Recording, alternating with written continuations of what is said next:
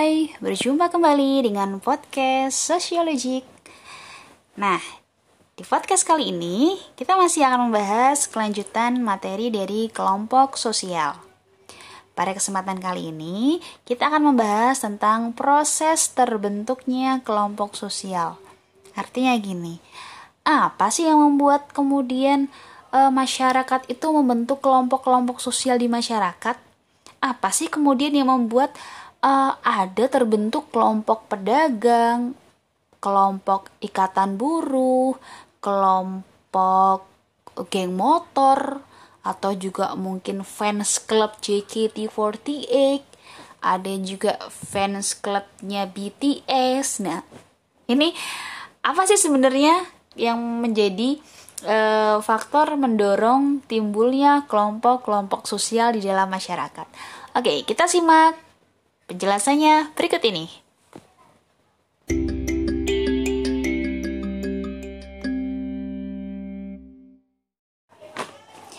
Oke, kita akan masuk ke dalam materi proses terbentuknya kelompok sosial.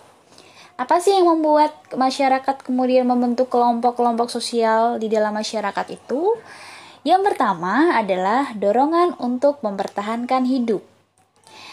Hakikatnya seperti ini kan, kalau manusia atau individu itu adalah makhluk yang tidak bisa hidup sendiri.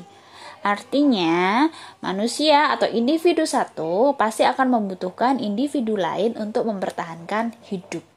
Nah, dengan melihat hal ini, masyarakat kemudian berinisiatif bagaimana bisa mempertahankan uh, kehidupannya atau bisa survive untuk tetap hidup adalah dengan menggantungkan dirinya terhadap menjalin hubungan dengan orang lain.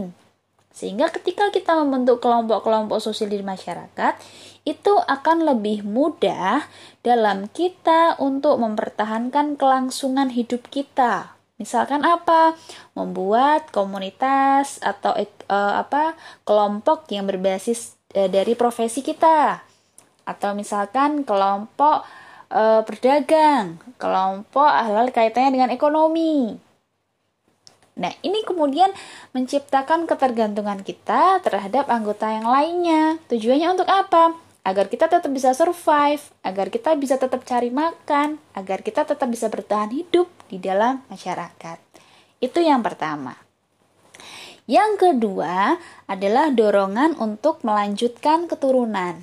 Nah, ini ini menjadi dasar Kenapa kok tercipta namanya kelompok keluarga? Apakah keluarga itu kelompok? Iya, itu adalah kelompok terkecil yang ada di dalam masyarakat.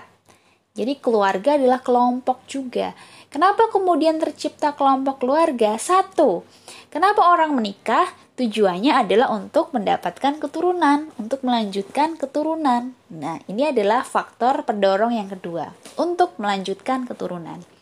Yang ketiga, dorongan meningkatkan efisiensi dan efektivitas kerja. Apa itu? Jadi gini, ketika kita punya pekerjaan, pekerjaan yang dikerjakan oleh individu dengan pekerjaan yang dikerjakan oleh kelompok, kira-kira akan lebih ringan yang mana? Akan lebih cepat selesai yang mana? Pasti jika pekerjaan itu dilakukan secara berkelompok. Itulah mengapa masyarakat membentuk komunitas atau kelompok-kelompok. Harapannya apa? Agar pekerjaannya akan lebih cepat selesai, akan lebih efektif, akan lebih sesuai dengan apa yang kita rencanakan. Kenapa? Karena akan lebih mudah pekerjaan itu jika dilakukan secara bersama-sama. Oke, itu untuk proses terbentuknya kelompok sosial. Jadi dasar masyarakat membentuk kelompok apa sih?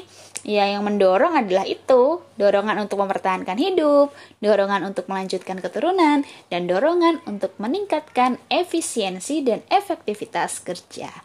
Oke, sampai ketemu di penjelasan yang berikutnya.